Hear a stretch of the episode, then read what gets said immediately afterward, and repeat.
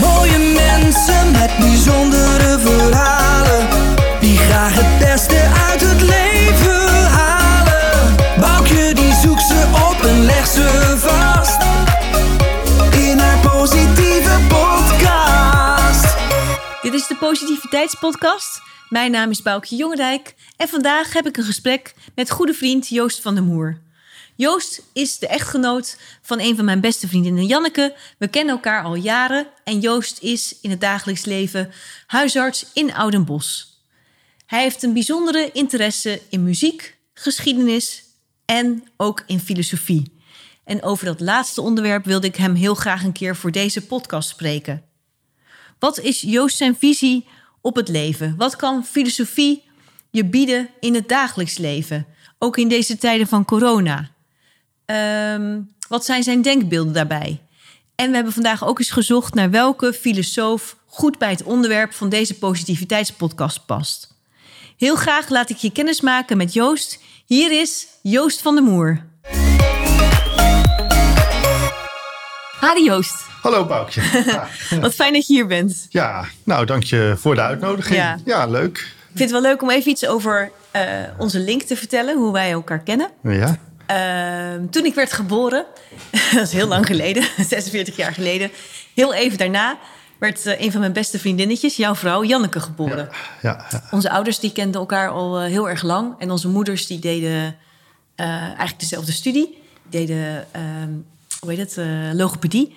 En eigenlijk van kinds af aan zijn Janneke en ik eh, hele goede maatjes geweest. Heel veel dingen samen gedaan.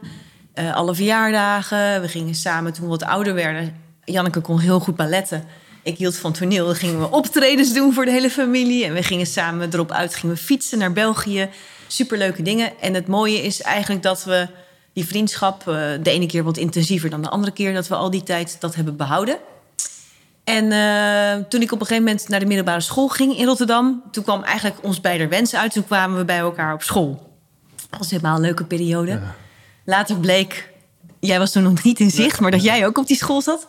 Ik ben op een gegeven moment eh, verhuisd naar Breda. En eh, ja, toen heb ik Janneke ook wat minder gezien daarna... want mijn, mijn leven ging toen eh, behoorlijk in Brabant door. En even daarna... eh, hebben we jou ook mogen leren kennen als de- het vriendje van Janneke. nou, dat is heel erg leuk. We hebben een hele leuke periode ook in Rotterdam gehad... toen we daar allemaal woonden.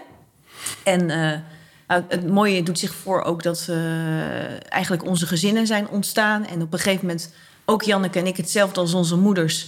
tegelijkertijd een zwangerschap hebben gehad. Met onze jongste dochters die een week na elkaar zo'n beetje Ja, werden ja, ja. geboren.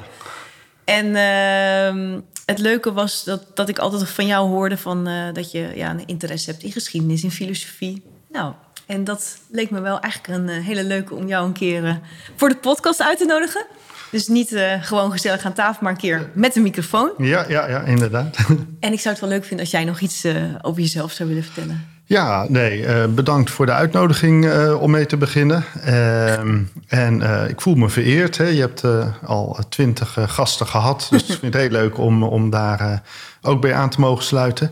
Ehm, ja, goed. ehm, ik heb inderdaad Janneke natuurlijk leren kennen op school. En via Janneke ook jullie. Dus we kennen elkaar inmiddels ook al, nou ik weet niet hoe lang, 20, 25 Ik jaar. denk ook zoiets, hè? ja. Iets dergelijks. Ehm, dus ja, wel heel mooi dat dat eh, ook eh, eh, nog steeds zo is. En in de, de ja, ehm, schommelingen des levens kan dat inderdaad is wat intensiever of wat minder intensief zijn. Maar ja, goede dingen beklijven, dat blijkt maar weer. Ehm, ja, ik ben eh, zelf heb ik dus ehm, ook in Rotterdam op school gezeten en, en eh, gestudeerd. Ehm, ik ben eh, huisarts sinds 2003. En ehm, ik werk in Oudenbos, dus een dorpje in West-Brabant, bekend vanwege de basiliek. Dus al sinds, sinds die tijd eigenlijk. Ja, mooi. Ja.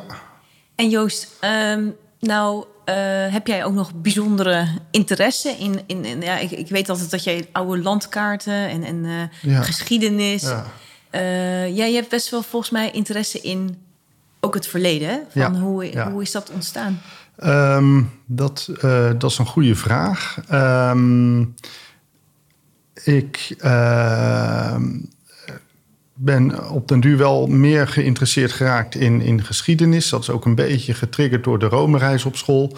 Ehm, maar eigenlijk eh, was ik dat altijd al wel. Ehm, en ehm, ja, ik denk dat ook met een, eh, een interesse in geschiedenis of oude kaarten en dat soort dingen. Ja, dat is toch, ja, dat is toch niet heel erg hip, eh, om het maar zo te zeggen. Maar ja, goed, dat is blijkbaar zoals ik ben. Ik, ja, volgens mij had ik ook goed in de 19e eeuw thuis eh, kunnen horen. Maar je houdt ook van eh hardrock, hè? Dus Ja, eh, zeker, zeker. je zeker. bent hartstikke hip.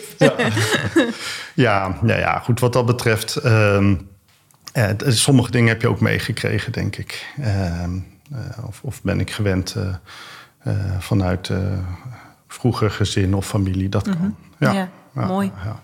Nou, nou heb ik, eh, wat ik het leuk vond, eh, dat ik eh, bij jou altijd ontdekte dat je van filosofie houdt. Mhm. Bij mij is dat in mijn studententijd eigenlijk ook een beetje ontstaan. Ik had toen een heel erg saai vak volgens mij, wat wel over filosofie ging. Maar er was een ontzettend leuke leraar, meneer Van der Luitgaarde. En die had op een gegeven moment een aantal studenten ook uitgenodigd om een filosofiegroepje te starten. Heb ik toen dankbaar aan meegedaan. Gingen we teksten lezen, discussiëren. Heel, heel erg leuk, heel anders. En ehm, eigenlijk is dat toen een beetje bij mij ontstaan. Op een gegeven moment eh, was ik in mijn studierechten bijna klaar. Ik miste alleen één studiepunt. Dat was een beetje vervelend, want ik had mijn scriptie ook al af. Maar ik moest nog een vak gaan doen. Dus ik zat in de bibliotheek uh, ja, heel ongelukkig een heel erg vervelend vak te doen. Ik zal de naam niet noemen, maar het was erg saai. En uh, toen kwam ik deze bewuste leraar weer tegen. Die zei, wat ben jij nog aan het doen hier? Want je was toch bijna klaar? Toen zei ik, ja, ik mis nog één punt. En uh, ja, dus ik moet nog even blokken, want dan en dan is tentamenperiode. En uh, nou ja, dan hoop ik dat dat gaat lukken. Hm. Toen zei hij, dat is wel een beetje jammer. Waarom ga je niet? Uh, ik was toen op dat moment geïnteresseerd in Kant, Immanuel Kant, de filosoof. Hij zei, waarom, waarom gaan we het niet anders doen? Ik zei, hoe heel anders? Nou, als je bij mij een mondeling doet, dan kunnen we misschien het op een andere manier dat punt voor jou uh, voor elkaar krijgen. Nou, toen heb ik me twee weken opgesloten op mijn studentenkamertje. Met Kant? Met Kant. me er doorheen geworsteld, zal ik eerlijk bekennen. Ja. En toen heb ik dan mondeling gehad en uh, een mooi punt gehaald. Maar toen, dat was ook een hele bijzondere twee weken. Want ik, ja, ik had ook toen wel zoiets van, ik ga niet uit. En ik blijf ja. gewoon, dat, dat commitment ga ik aan. Ja, ja, ja. Nou, dus zodoende. Nou, en dus het heeft altijd wel een uh, apart plekje in mijn hart gehad, het onderwerp. Mm. En uh, ik ben er wel de laatste jaren wat minder mee bezig geweest. Dus ik ben niet meer helemaal uh, up-to-date. Ik zie wel in deze tijd ook wel weer veel oppoppen. Ook in de coronatijd, dat mensen gaan kijken van... hé, hey, hoe de, wat vonden die filosofen ervan? Ja. Dus ik vind het gewoon heel leuk om vandaag met jou eens te verkennen van... jij ja. weet er veel van. Um, hoe een en ander werkt. Ja. en ik was eigenlijk benieuwd hoe jij eigenlijk in het uh, filosofische bent beland. Uh, ja, ik, ik, ik, denk toch vanuit een, een interesse in geschiedenis. Uh, en uh, eigenlijk wel uh, met name Europese geschiedenis hoor, maar wel van, van, van, oudheid tot nu. En uiteindelijk um, zit ik eens eventjes te denken, ja, wat, wat heeft nou een, een bruggetje gevormd? Hè? Want vaak mm -hmm. komt van het een komt het ander. Hè? Je verdiept je in een bepaald onderwerp. Uh, uh, dan uh, denk je van, hé, hey, daar is weer een link naar wat anders. Dan wil je daar weer meer van weten. Dus van het een komt vaak het ander. Mm -hmm. um, hè, zowel um, in, in, in de lengte als in de breedte, zal ik maar zeggen. Um, je kunt ook um, je verdiepen in iets algemeens en van daaruit uh, steeds gedetailleerder uh, verder zoeken. En dat is ook een proces wat ik herken. En ik denk dat uh, filosofie, dat, dat ik daartoe gekomen ben vanuit een, een, interesse ook in, in politieke ideologieën. Um, hè, zeker in de 19e eeuw had je natuurlijk veel uh, verschillende stromingen. Uh, hè, bijvoorbeeld het marxisme wat opkwam mm -hmm. uh, met alle zijtakken, communisme, anarchisme, et cetera. Nou, dat zijn geen filosofieën in mijn ogen. Maar um, ja, goed, dat, dat zijn wel denkstromingen. En van daaruit is het wel een kleine stap naar andere politieke denkstroming. Hè. Je kunt denken aan, aan Spinoza bijvoorbeeld of Plato, hè, die daar een, toch bepaalde theorieën over hebben. En van daaruit ook weer verder. En ehm, Spinoza is wel de filosoof waar ik in eerste instantie mee in aanraking ben gekomen en zeer gehecht aan ben geraakt. Ik heb er ook wel veel van gelezen, moet ik zeggen. En hoe oud was je toen? Um, ja, Ongeveer, toen studeerde ik, denk ik. Ja, ja, ja, dus 25 of zo. En hoe kwam, dat, hoe kwam hij op je pad? Um, ik, ik, denk toch een beetje via die weg. Maar het blijft lastig om dat uh, terugkijkend precies te achterhalen. Ja. Maar het is daar ook weer zo. Hè, lees je één boek, dan wil je een ander boek ook lezen. Um, en uh, ja, gelukkig of misschien niet gelukkig, uh, ben ik toch een klein beetje neurotisch van aard. Dus als ik een boek lees, dan wil ik het ook uitlezen. Ja. Uh, dus uh, ja, dat maakt ook dat ik het op heb kunnen brengen om, uh, om veel te lezen. ook als ik moest studeren bijvoorbeeld um, voor geneeskunde, dan ja, ik las ook graag geschiedenis. Dus dan stond ik mezelf toe om bijvoorbeeld een uur voordat ik ging studeren eerst geschiedenis te lezen, want dan had ik dat maar binnen. Oh, wat leuk. en dat vond ik heel leuk. ja. leuk. Dus ik had ook een vrij gestructureerde dagindeling. Ik begon om negen uur. Uh, ik at op een bepaald moment en ik hield om 11 uur op. Dus dat was een vrij uh, strakke planning. Dat is best wel bijzonder als student. Want dus, uh, een heleboel mensen kunnen. Week, hoor, die laatste week van een blok. oh, ik het zeggen. ik vind dat toch een bijzonder ja. studentenleven. Ja, nee, blokken vaak ja. van een maand of zo. Dus dan heb je drie weken feest, één week studeren. Oké. Okay. Ja. en Joost, en nog even terug naar Spinoza. Kan, jij, kan jij ons vertellen wie, wie en wat en welke tijd en, en waarom het jou vooral uh, deze filosofie boeide?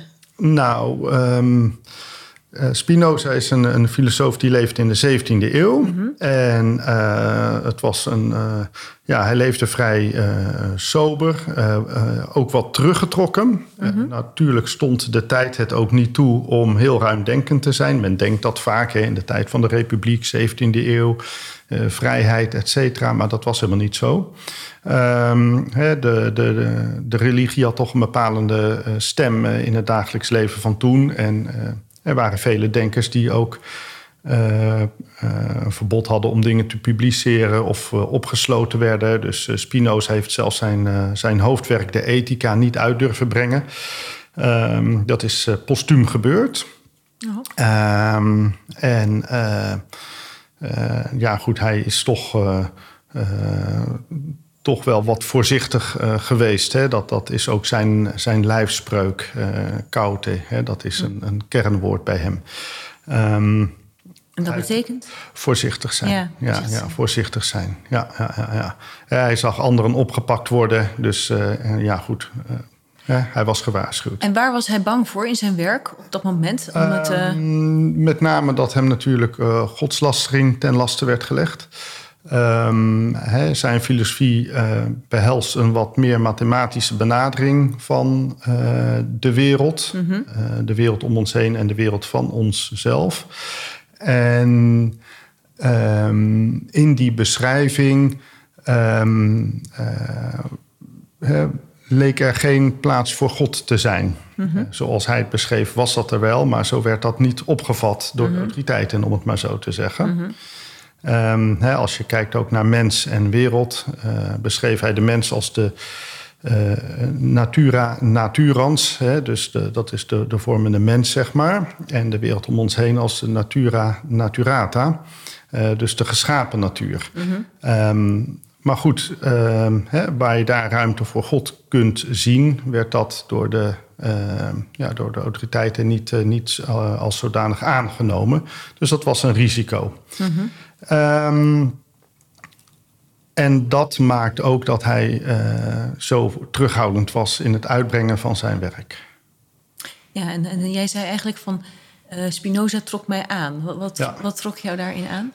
Um, wat aantrekt is uh, de doortrekkende manier van denken. Um, je moet natuurlijk altijd oppassen voor een principieel denken, maar hij durfde de lijn wel door te trekken. Um, veel meer dan men in die tijd durfde. Hè? Iemand als Descartes bijvoorbeeld, ehm, die probeerde alles eh, zo eh, eh, te richten dat er plaats was voor een God. En bij Spinoza is dat in veel mindere mate het geval. Hij had geen medelijden. Hij schreef wat geschreven moest worden. En daar kan je inhoudelijk wel commentaar op hebben en terechte punten ook. Eh, en ook Spinoza is nog getekend door de tijd, maar wel in veel mindere mate. Dus hij was in veel grotere mate een vrij denker. Ja, dat is mooi. Die vrijheid die daarin zit. een vrijdenker. Ehm, hè, binnen de grenzen van het eh, mogelijke eh, van die tijd. Ik denk dat als Spinoza in deze tijd had geleefd... dan eh, was hij nog revolutionairder geweest. Ja, maar voor zijn tijd was hij redelijk Ja, revolutionair. want het vrije denken staat nu ook onder druk. Ja, ja daarom. Hè. Dus Spinoza is wel een, een, een eh, filosoof die ook in deze tijd eh, natuurlijk eigenlijk heel actueel is. Ja. En Joost, ehm, is het zo dat jij ook de wereld van nu, zeg maar, bekijk jij die ook vaak dan door de bril even van de filosofie? Of, of, is het bij jou iets wat heel vaak aanwezig is dat je even denkt, hé, hey, van Ja. eh, Ja. dat, dat weet ik en dat zie ik? Of hoe, hoe Ja. moet ik het zien? Ehm, met name, ehm, hoe zal ik het verwoorden? Ehm, hoe, je, hoe, hoe, hoe dingen in elkaar zitten of hoe je naar de wereld kunt kijken. Ehm, en wat je bij Spinoza ziet, is natuurlijk een vorm van determinisme. Wat ik bij. Wil, wil je dat nog eventjes ook uitleggen? Ja, van ja, hoe je dat... eh, ja, ja. Eh, een deterministisch wereldbeeld wil eigenlijk zeggen dat ehm, ja, alles is oorzaak en gevolg. En in die zin eh, ligt alles eh, vast, Vast, zowel ja. Mhm. naar verleden als naar toekomst. En Geen vrije wil. Juist. Bedoel je dat? Of, Ja. ja. ja. Ehm, ja, dus bij Spinoza was er geen ruimte voor de vrije wil. Je zou natuurlijk denken van... hé, hey, ehm, het is wel een filosoof van de vrijheid. Hoe kan dat dan? Ja. Want hij stond wel een vrijheid van denken voor. Ehm, maar je moet het eigenlijk eh, zo zien dat als je kijkt naar een deterministisch wereldbeeld... en we herkennen dat wel, ik herken dat ook in eh, mijn dagelijks werk als huisarts. Ik zie natuurlijk eh, elke dag veel mensen. En ehm, ja, die mensen komen niet altijd voor de lol, maar die komen omdat de dingen niet goed gaan. Hè, dus ik zie de mensen waarbij ehm, er dingen eh, verkeerd lopen in hun leven. eh, Mensen die ongelukkig zijn, verkeerde keuzes maken. Ehm, nou, et cetera, et cetera. Ehm, dus echt de, ja, de gemankeerde mens. En zo zijn we allemaal en ik ook gelukkig. Ehm, maar goed, dat is, eh, dat is wel de waarheid natuurlijk. En in dat leven kan determinisme in zekere zin wel wat tot troost zijn, omdat je zou kunnen zeggen van ja goed, hè, als alles gebeurt zoals het gebeurt, ja, dan is er niks aan te doen. Kan ik er ook eigenlijk helemaal niks aan doen? Kan je ja. er niks aan doen? Je zou zelfs kunnen zeggen van ja, weet je, als dit of dat gebeurt, is het mijn schuld niet. Want Het is ja, me overkomen. het is me over. Ja, Ja. Je, je- hè, het loopt zoals het loopt. Ehm, en, ehm, maar goed, dat is natuurlijk als je kijkt naar. eh, dan accepteer je dingen zoals ze zijn. Dus determinisme kan in die zin verlichting geven. Ja. Maar goed, dat is natuurlijk een beetje een passieve vorm. Hè? Een- Dus eigenlijk ook in deze tijd, eh, er komt een pandemie, eh, Ja. er is corona, Juist, kunnen er niks aan doen. niks aan te doen. Dus eh, laat maar gaan. Ja. Zo- Zoiets. Ja, ja. Ja. even los van de mensen die natuurlijk heftig geraakt zijn. Ja. Hè, met name de, de zieken en de overledenen. Hè, maar ook Mhm. Bijvoorbeeld horeca-ondernemers... of, of Mhm. eenzame mensen in, in verzorgingstehuizen. Maar eh, voor de, heel veel andere mensen is het een... eh, ja, eh, lijden gelukkig wat beperkter, zeg maar. Hè. Je kunt bepaalde Mhm. dingen niet doen die je had willen doen. Maar nou ja, goed, dat, dat is het dan wel zo'n beetje. Mhm. Ja. Ehm, en, en, maar goed, daar, daar helpt een, een, eh, een, een, een acceptatie helpt daar wel bij. Maar wat eh, Spinoza natuurlijk ehm, eigenlijk meer onder vrijheid verstond, in, hè, als ik het lees, ehm, is dat ook al liggen dingen misschien eh, vast. Als jij dat heel goed doorhebt en je hebt inzicht in hoe alles werkt, in al die processen, eh, dan geeft dat inzicht je ook, ja, dat, dat plaats je er eigenlijk een beetje boven de gebeurtenissen. Eh, in die zin is, is inzicht is kennis en kennis is macht. Hè? Dus ehm, dat, dat inzicht geeft ook de, de illusie van vrijheid in ieder geval. En of het nou werkelijk zo is of niet, dat doet er eigenlijk niet zo toe. Ehm, eh, hè, als wij maar het idee hebben dat we wat te zeggen hebben, dan is dat heel mooi. En eh, ja, misschien is dat niet waar, maar ja, goed. eh, Dus misschien ligt het vast, maar misschien met deze, met deze kijk zou je iets in dat proces zelf kunnen doen. kunnen doen. Eh, misschien is dat inderdaad, wat jij zegt, een illusie. Maar alleen dat gevoel al dat je er invloed zelf op kan hebben, Ja. dat geeft dan de vrijheid. Is dat Inderdaad, dat geeft dan een beetje Ja. de vrijheid. En eh, ja, als dat niet zo is, de, de waarheid is een mooi iets voor als je ermee om kan gaan. Ehm, maar ehm, eh, als je zo in het leven kan staan, hè, een goede mix tussen eh, determinisme en, en vrijheid, dan maak je het jezelf wel makkelijker. Maar goed, daarvoor. Zeker als je op het goede moment het een of het ander kiest. Ja, ja, nee, het eten is aangebrand, ja, oké. Ja, kan je zo doen. Ja, maar soms moet je keuzes maken. Of heb je de indruk dat je inderdaad een keuze kunt maken. Eh, ook al is dat misschien een illusie. Ehm, maar goed, als jij daar eh, eh, toch sturend in kunt zijn... Hè, dan, dan is dat eh, meer een vorm van actieve acceptatie. Hè, zo zie ik dat. Mooi. Ja. En eh, Joost, wat, wat eh, vind jij in filosofie in zijn algemeenheid? Wa- wa- waarom interesseert het je? Van, eh, Ehm, nou ja, de- de- juist dat verder kunnen denken. Ehm, hè, dus anders naar dingen kijken? anders naar dingen kijken. Wat ik net noemde van Spinoza is maar een voorbeeld. Ehm, hè, zo zou je naar de wereld kunnen kijken, bijvoorbeeld. Als eh, deterministisch of juist niet. Hè. Er kan ook een andere eh, stroming aanhangen natuurlijk. Maar ehm, eh, je kunt wel de wereld meer in zijn geheel bezien en niet in detail. Eh, want uit de details haal je niet altijd wat. Dus filosofie geeft mij wel een, een openheid van zien en denken en, en voorbij het vanzelfsprekende. Eh, dat, dat vind ik eigenlijk het, eh, het prettige. Ja, dus eigenlijk Ja. ruimer en, Ja. en meer onderzoekend. Niet, niet, niet Ja. per se aannemen. Niet opgesloten. ja. Niet opgesloten. Zo, dus ook wel creatiever kan dat zijn. Ja. ja, klopt. Ja. Het kan, ja, weet je, eh, het is natuurlijk wel veel denken dan. Dan kan je ook eh, op een gegeven moment ga je overal dubbele lagen in zien. Waar ligt, eh, of valt het Nou, wel mee? Dat, dat, ehm, eh, dat valt wel mee. Kijk, ehm, soms moet je het ook gewoon makkelijk voor jezelf houden. Hè? En gewoon lekker biertje. Gewoon, drinken. ik wilde het net zeggen, een biertje drinken. Of een beetje muziek maken. Nee, laten we het Ja. wel gezellig houden. Ja. Eh, nee. Dit is voor die eh, momenten dat je denkt van nou, ik wil nu weer eens eventjes eh, wat, wat verdieping. Eh, Mhm. hè, die behoefte kan er zijn en eh, eh, dat, eh, hè, die mogelijkheid heb je dan met, met, eh, Mhm. met filosofie. Hè? Een stukje verder denken. Hè? We noemden al Immanuel Kant, die natuurlijk het denken zelf onderzocht heeft. Ehm, hè, maar ook een stukje diepzinnigheid als denkers als, als eh, Buber of Levinas, hè, die wat meer eh, religieus georiënteerd zijn. Maar op een zodanige manier dat het wel eh, ehm, ja, een mooie diepzinnigheid laat zien. Ehm, en ja, eh, dat, dat, dat is ook niet, eh, niet altijd nodig natuurlijk. Nee, Maar, ook, maar ook gewoon eh, mensen die er niet zo mee gewend zijn. Ja. Kan het, wat kan het filosofie hen bieden?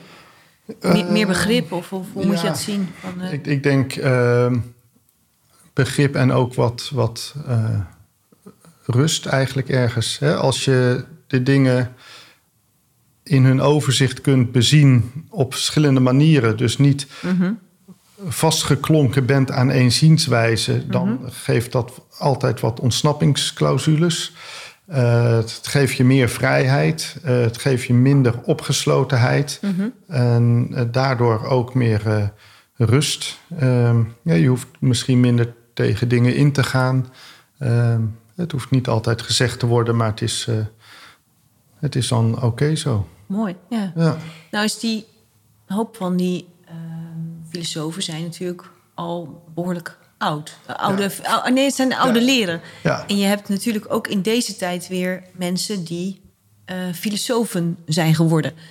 Ehm, ik weet niet zo goed, eh, jij kan het beter overzien, denk ik. Zijn die theorieën veranderd in de loop der tijd? Of wordt er voortgeborduurd op wat er reeds was?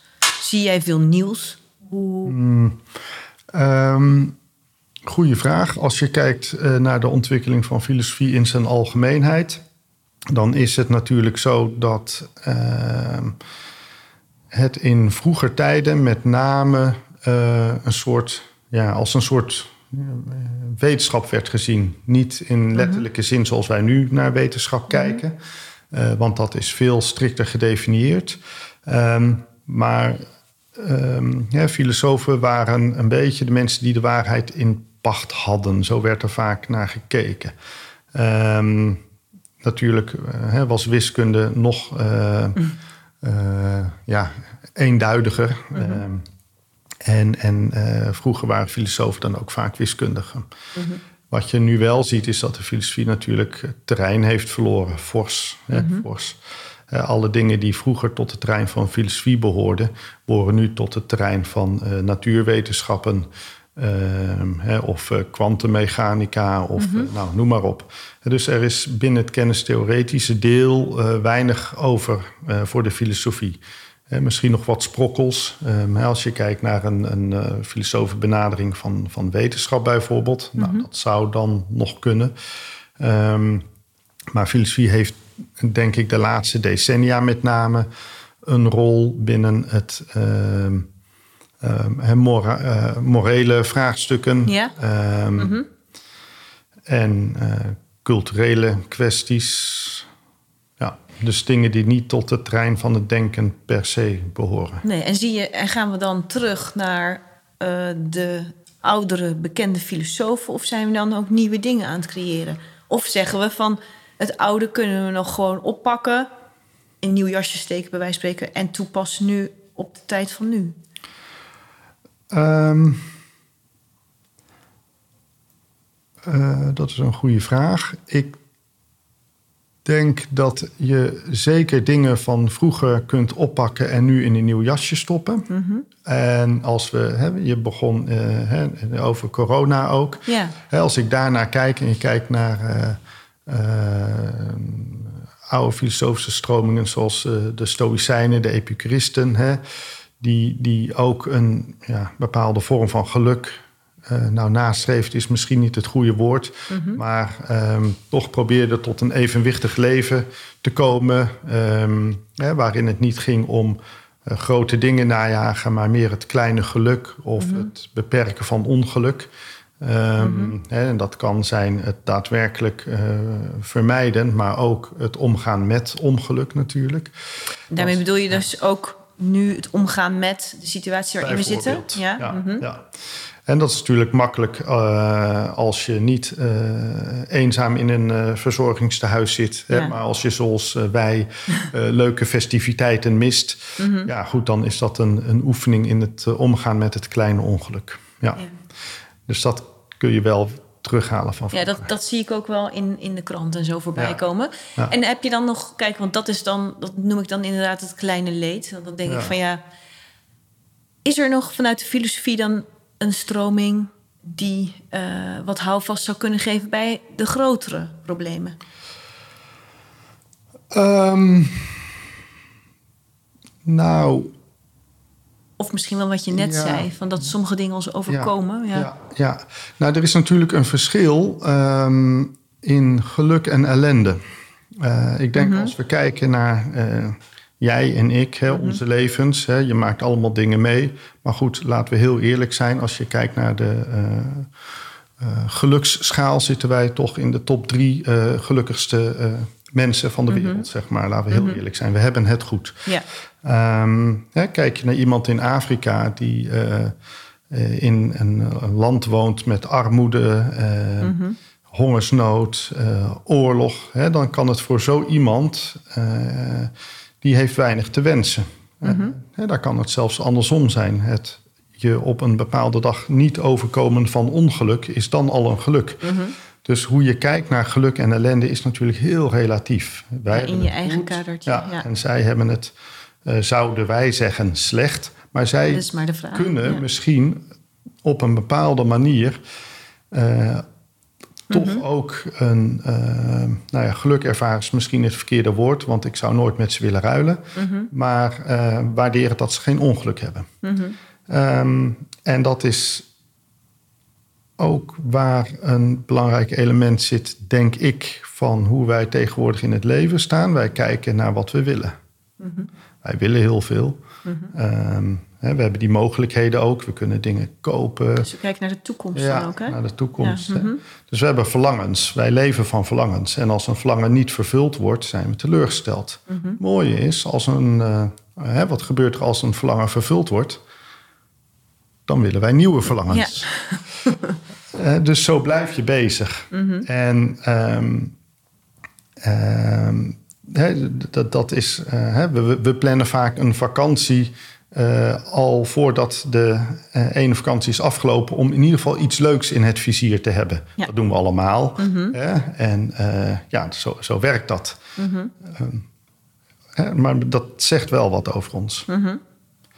En ik denk dat je niet alleen ehm, hè, voor je geluk zou kunnen kijken naar wat wil ik nog hebben, maar je kan ook terugkijken en kijken van nou, eh, wat heb ik al gehad? En dat klinkt misschien een beetje negatief, maar ehm, hè, als ik kijk van nou, wat heb ik eh, meegemaakt? Bijvoorbeeld een leuke vakantie of ehm, andere leuke eh, momenten, dan denk ik van goh. Dat is maar mooi in de pocket. En, ehm, je, je kan maar gezond zijn, je kan maar een goede baan hebben. Denk van, goh, dat is me toch allemaal maar gelukt. Hè, eh, hoe gaat het met het gezin? Gaat dat goed? Goh, dan mag je toch blij zijn. En als je op die manier kijkt, dan zijn heel veel dingen die geweest zijn eh, heel sterk. Want ons verlangen, dat is iets wat nog moet komen. Dat moet nog worden. Dat heeft nog geen bestaansrecht. Maar wat voorbij is, is geweest. En op die manier onuitwisbaar in ons geheugen gegrift. Dat heeft bestaansrecht. Dat kan er nooit niet meer zijn en zal altijd zijn. Dus dat is een enorm verschil tussen wat geweest is en wat nog moet worden. En eh, als ik zo kijk eh, naar geluk, dan eh, denk ik dat we ons ook eens iets meer op dat verleden eh, zouden kunnen richten. Tevreden zijn met wat je al hebt in plaats van wat je nog wil. Ja, makkelijk gezegd, zeker in, in luxe tijden, eh, ondanks corona. Maar ik denk wel dat het zo werkt. En als je naar je geluk kijkt. eh, en je zou bijvoorbeeld zeggen van nou, hè, zo, zo kijk ik ernaar. Ben ik gelukkig en ik neem dat aspect mee, dan zou ik zeggen van nou, als ik zie wat ik allemaal in mijn leven heb mogen meemaken, heb bereikt en hoe de situatie nu is. Als ik nou dood zou gaan, ik ben 47, dan zou dat met een ruime voldoende zijn.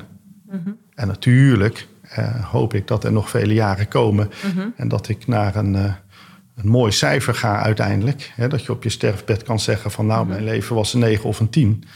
Hè, dan is het fantastisch. Maar als je zo kijkt, dan eh, word je minder afgeleid van wat je allemaal nog wil. En dat, eh, hè, die balans tussen wat geweest is en wat nog moet komen, als je bewust bent van die balans, eh, dan eh, zeg ik, hè, dat, hè, jij, vroeg me wat zou motto zijn voor dit gesprek. Dan zou mijn motto zijn, eh, geluk is het gemiddelde van zijn en worden. Ja. ja, en daarmee zeg je dus eigenlijk van... ehm, eigenlijk wat je net vertelde, van het zijn, de dingen die je koesteren, die je... Dus wel de positieve dingen die je koestert, die geweest zijn. Ja, Dus dan kijk je ook bijvoorbeeld nu wat minder naar wat er allemaal niet kan. Dan, want immers heb je die dingen, eh, die heb je al, die zijn. ja. En je kijkt ook wat minder, dat geeft ook wel wat rust. Hè? Dat je niet de hele tijd naar eh, drie stadia voor je uit zit te kijken van dat worden. Klopt. Dat worden, eh, Het worden is wel nodig hoor. Sorry dat ik je in de reden val. Maar Ja. het, het worden is wel essentieel om te kunnen zijn. Het worden is nog niet. Het worden eh, is verlangen. Maar het verlangen, ehm, voordat eh, dat tot geweest zijn kan worden, moet dat verwezenlijkt worden. dus we hebben wel een bepaalde dosis verlangen nodig. Zonder verlangen Ja. wordt het ook kaal en kil. Dus ook de Staat het stil, bedoel je dat? Of, uh... nee, ja, dan, dan gebeurt er niks. Dus ook iemand in de geschetste Mhm. situatie in Afrika heeft Ja. ook wel een verlangen nodig, een hoop misschien. Ja, hoop is een mooie. Ja, hè? Eh, dus ergens is dat wat nog niet is, het wat worden is, is wel nodig om ooit tot geweest zijn te kunnen geraken. En daarom zeg je het gemiddelde. Juist. Er zijn er twee dingen die in me opkomen. Ehm, er wordt natuurlijk ook heel vaak gezegd het nu. Dat zit er dan even wat Ja. mij betreft tussenin. Hè? Ja. We hebben hier het, eh, dat is geweest, daar komt Oh, nog ja. iets. En wij zijn nu hier. Hè? Ja. En ehm, nou ja, bijvoorbeeld Eckhart Tolle, de kracht van het nu. Mhm. zit ook iets heel sterks in. Ja. Hoe kijk je tegen dat nu aan? ja, dat nu is wel... En niet per se nu, hè? Nee. maar het, het fenomeen nu. Ja, ja. Eh, dat is heel mooi. Ik vind nu een heel lastig iets. Hier en nu vind ik ook heel lastig. Wat vind jij lastig daaraan? Ehm, het is ongrijpbaar. Het is absoluut ongrijpbaar. En hier en nu staat buiten de tijd. En dat is wat lastig. Ehm, dus, eh, hier en nu maakt geen deel uit van. Maar dat is toch de tijd als ik op mijn horloge kijk? Ja, ja. Als je, hè, zoals, Dan ben ik te laat alweer. mijn jongste dochter zei, ehm, eh, nu is niet nu, want het is alweer geweest. dus dat was een Ja, dat is- uitspraak van haar. Ehm, dus, maar goed, dat is een beetje flauw natuurlijk. Eh, maar nu is een, ehm, hoe zal ik het zeggen? Een eh, ander concept dan, dan het verleden en de toekomst. Maar dat is eh, als ehm, verbindingsstuk is dat lastig. En als je het heel simpel eh, bekijkt, van eh, je volgt je ademhaling Ja. en je zit hier nu. En Ja, dat, je schakelt te Ja. denken als het ware uit. ik, ik denk dat als je inderdaad geïnteresseerd bent in, in hier en nu, dat je, ehm, dat, dat je het mij niet moet vragen, want dan, daar word je niet vrolijk van. Nee, maar dat vind ik ook juist wel... Daarom vraag ik het juist. Ik vind het wel grappig. Omdat ik... eh, Ik vind dat jij ja, namelijk wel voor mij iets heel vernieuwends zegt. Van, eh, omdat jij zegt van... Ik, ik heb vaak gehoord van als je op je sterfbed ligt... dan eh, is het fijn als je dan kan zeggen... mijn leven is goed geweest. Maar jij zegt eigenlijk... je moet je al gedurende je leven gewoon... eh, naar achter kijken en, en koesteren wat je hebt gehad. Ja, Het enige wat ik dan lastig vind is als we dan toch nog even aan een hele, heel slecht scenario denken van iemand Mhm. eh, die inderdaad in andere omstandigheden leeft. Hoe zie je dat? Eh, ja, Ja. Of zeg je daar is altijd een lichtpuntje te vinden en dat is dan je houvast? Of? Ik denk waar, eh, ehm, eh, en, en ik zeg dan misschien heel zakelijk hoor, maar waar verleden en toekomst met elkaar in eh, evenwicht zijn. En eh, ook daar zijn verleden en toekomst weer tijdstermen. Ik vind dat wat lastiger, dus ik zou eigenlijk liever spreken van zijn en worden. Eh, omdat tijd natuurlijk toch een eh, in alle eerlijkheid geconstrueerd begrip is waar wij mee werken. Eh, Dat geeft helemaal niks, want dat houdt het voor ons overzichtelijk en dan snappen we de wereld om ons heen helemaal prima. Dus daar ga ik verder niks over zeggen. Maar we kunnen het ook uitschakelen nu gewoon. Ja. Maar als je kijkt naar zijn en, en worden, dan, eh, en dat is eh, in balans, dan heb je hier en nu ook niet zo nodig. Dus het is een overbodig ehm, bedenksel en een illusie, eh, net als de vrije wil. Ik chargeer hier een beetje en ik ben het daar niet helemaal mee eens. Ehm, maar eh, dat, dat, dat ehm, is denk ik voor nu niet het onderwerp. Nee, Voor mooi. nu. Nee, Nu, voor ja, nu. voor nu, hè? nee, en eigenlijk ehm, eh, is wat je net beschreef... is dat dan eigenlijk ook hoe jij zelf in het leven staat? Dat jij dat gemiddelde van zijn en worden steeds wel... Ja, dat wil zeggen, ehm, kijk, ik stuntel ook maar wat door het leven eh, met al mijn. Hè, dus, Het eh, allemaal wel meevallen. ja, Ja. nee, maar goed, dat is natuurlijk gewoon zo. En dat is ook helemaal niet erg, want daar, daar zijn we mens voor. En ja, als je dat van jezelf accepteert, dan, eh, ja, dan is het prima. Mhm. En ehm, dus eh, eh, geen probleem, geen probleem. Maar dat, eh, dat is wel zoals ik het zie. Als ik erover nadenk, hè, als, Mhm. gelukkig denken we niet heel de dag zoals jij al aangaf. Want Mhm. dan word je niet, daar word je onrustig van. Je moet ook gewoon dat lekker uit kunnen schakelen. Of eens lekker Netflix op de bank, eh, Ja. noem maar wat. Of bier drinken met vrienden. Nou ja, Of muziek luisteren. ja, of muziek luisteren. Naar een festival gaan, festival. ja. Dat, dat zijn de dingen, dan ga je op in het moment. Uh-huh. Dus in die, eh, op die momenten denk je er niet bij na. Nee. We noemen ze ook moment. Eh, dus dan ben je daar gelukkig helemaal niet bewust van. En dat is wat ik een beetje bedoel. Soms kan het zinnig zijn om na te denken over ehm, bijvoorbeeld dingen als eh, wat is geweest of wat gaat nog komen.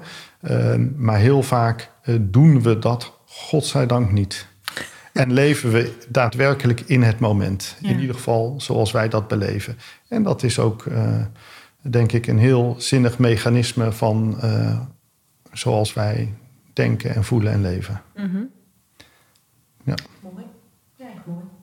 En ehm, ik eh, had nog iets grappigs. Want ik zat te kijken en ik zag ergens staan... dat de Stoïcijnen, daar hadden we het net al heel even kort over... die omschrijven hun filosofie... ik weet niet meer precies wat de bron is... maar als geneeskunde voor de ziel. Ja. En toen dacht ik, ik ga Joost spreken, je bent huisarts. Dat vond ik gewoon heel mooi. ja. Toen vroeg ik me eigenlijk af... zie jij ook in je huisartsenpraktijk of in, in je beroep... zie je daar een soort overeenkomst ook met filosofie? Ja, ja, zeker, zeker. Als ik de, de mens bezie, nogmaals inclusief mijzelf, die eh, wat stuntelt in het leven, die eh, onhandig doet, eh, soms is pech heeft, soms is geluk heeft, om dat soort termen dan maar te gebruiken. Ehm, en en hè, soms is verkeerde beslissingen neemt, soms iets vervelends meemaakt, soms iets leuks meemaakt. Hè, dat, dat, dat golvende van het leven, ehm, dan zie je mensen ook in al hun onhandigheid en kwetsbaarheid. En dat maakt mild. Je ziet dat we allemaal ehm, eh, door het leven hobbelen. ehm, en eh, iedereen doet dingen eh, onhandig soms. En als je dat ziet, en je ziet dat dat voor iedereen geldt, ehm, dan maakt dat wij heel open naar mensen kijken. En ook niet meer de neiging hebben, tenminste zo ervaar ik dat, eh, om te oordelen. En natuurlijk, dat doen we allemaal wel. Maar in het algemeen eh, denk ik dat ik door mijn werk als huisarts veel milder ben geworden. Ik heb niets, ja, je hebt minder snel oordelen over mensen of vooroordelen of ehm, eh, mening ergens over. Nee, nee, helemaal niet. Nee, want je ziet eigenlijk alle kanten van het Ja, leven. ja. daarom. En eh, hè, soms kun je denken van, ja, goh, hoe zou ik dat dan zelf gedaan hebben? Ja, eh, ook niet veel beter. dus het, het vak geeft mij een hele open houding ten opzichte van het leven. Het leuke is wel dat filosofie dat ook heeft. Ehm, hè, dat, dat geeft je een wijdse blik. En dat maakt het ook makkelijker om weer in mijn vak te staan. En mijn vak maakt het ook weer makkelijker om open te denken. Dus ehm, ja, dat is, dat is wel een, een wederzijdse ja, ja, ja, beïnvloeding. Mooi, ja. Ja. En hoe heb jij ehm, dit jaar, 2020, in de praktijk ervaren? Want het was natuurlijk ook weer een, ja, anders dan anders met, met corona. En, en, en eh, Ja. eh, ik denk, denk ook meer bange mensen. Meer, meer, Ja, meer. ja, je ziet, Hoe is dat geweest? ehm, nou, je ziet inderdaad veel meer mensen toch met eh, ook eh, psychische klachten en problemen naar aanleiding van corona. Ehm, hè, dat kan soms direct zijn, soms eh, inderdaad angst, soms vanuit sociaal-economische problemen komen. Hè. Natuurlijk heel veel mensen die geraakt zijn sociaal-economisch. Ehm, en ehm, ja, dat is natuurlijk wel verdrietig. Hè? Dan eh, zie je eh, toch ook wel dat maatregelen behoorlijke effecten hebben. Eh, en dat vind ik met name verdrietig om te zien. En dat is wel duidelijk van dit jaar. Ja. Hm. Maar dan naast de daadwerkelijke lichamelijke klachten... ook de geestelijke Ja. toch wel Ja, bedrukking? Of, of ja, Ja. hoe je het zegt? Ja. Dan ja, zie jij gewoon veel... eh, Ja, maar ook wel eh, meer gelatenheid. Hè? Ook mensen die zeggen, ja, dat is natuurlijk in Brabant. eh, het is zoals het is. Hè? En daar komen we een klein stukje Spinoza tegen. Eh, maar dit, dit heb ik wel echt geleerd van, eh, van Brabant. Ehm, ik heb in de vriendengroep ook iemand die zegt: Ja, goed is goed. Hè? Ik, quote hier Gert-Jan, eer eer toekomt. Ehm, en eh, wat daarmee bedoeld wordt, is eh, van ja. Niet een, een soort passieve gelatenheid van joh, er is niks aan te doen, maar een soort tevredenheid. En, maar wel een positieve tevredenheid. dus niet ehm, we, zoals je heel Calvinistisch zou kunnen zeggen, wees nu maar tevreden met wat je hebt. Mhm. Maar gewoon oprechte tevredenheid en ook een oprecht niet verlangen om per se heel veel meer te hoeven. Dat is eigenlijk ook wat jij zegt. Met jou iets wat filosofische spreuk. Ja. Uh, dat is ook zijn en het gemiddelde en uh, niet te veel worden. Ja, ja, ja. Ja, dus ik vind die goed is goed, vind ik een... Uh, goed Brabants vind ik echt gebruik. mooi. Ja, ja.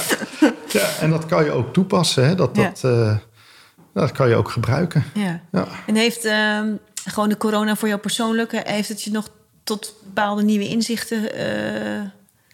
Geleid? Of zeg je van nou... Niet echt. Hè. We, natuurlijk veel leuke dingen gemist. Uh, dat, is, dat, dat is jammer. Hè? Vele sociale dingen gemist. Uh, dus dat, ehm, ja. Maar ja, goed, dat is dus iets waar we eh, dan maar mee omgaan. Ja, ja, ja. Is goed. En verder, ja, goed, is het rustig. Ja, rustiger dan anders. ja. Joost, tenslotte heb ik nog, eigenlijk was ik gewoon benieuwd naar uh, de rode draad van een podcast. Mm -hmm. We zijn nou bijna een jaar bezig. Is het onderwerp positiviteit. Ja. Kan jij vanuit jouw, uh, jouw kennis van de filosofie iemand aanwijzen die past bij uh, dat gedachtegoed? Positiviteit. Ja, of, of ja. ja. dat kan je groter zien. Hè? Van, ja. het hoeft niet altijd uh, holla dieet te zijn. Het mag ook zijn mensen, iemand die juist heel goed kan omgaan met tegenslagen of, of optimistisch. Of, Um, ik, ja, het klinkt misschien gek, maar ik denk eigenlijk Nietzsche. Uh, ja, Nietzsche is natuurlijk een tragische figuur die getergd werd door zijn denken. Uh, hij is op het eind van zijn leven ook gek geworden, zeg maar. Dat zal neurosyfilis geweest zijn, dus een, uh, ja, -hmm. een geslachtsziekte waar hij uh, uiteindelijk hersenproblemen door kreeg. Um, maar goed, uh, maar Nietzsche is, is een, een, een, ja, de filosoof met de hamer, hè, wordt hij wel genoemd. Hij vernietigde alles. Uh, alle normen en waarden gingen ten gronde. Mm -hmm. uh, hij brak alles om vanuit de ruïnes weer op te kunnen bouwen. Mm -hmm. En ja, hoe zou je dat positief kunnen noemen? ja, daar ben ik heel benieuwd naar. ja, nou ja, goed. Um, hè, mooie nieuwe dingen bouwen kan alleen maar als je oude troep weggooit. dat is een beetje Nietzsche. Ja? Uh, en uh, hij kon ook het reinigende van een oorlog beschrijven. Hè? Ik zal er natuurlijk niks positiefs over zeggen, maar om me aan te geven mm -hmm. hoe ver hij ging.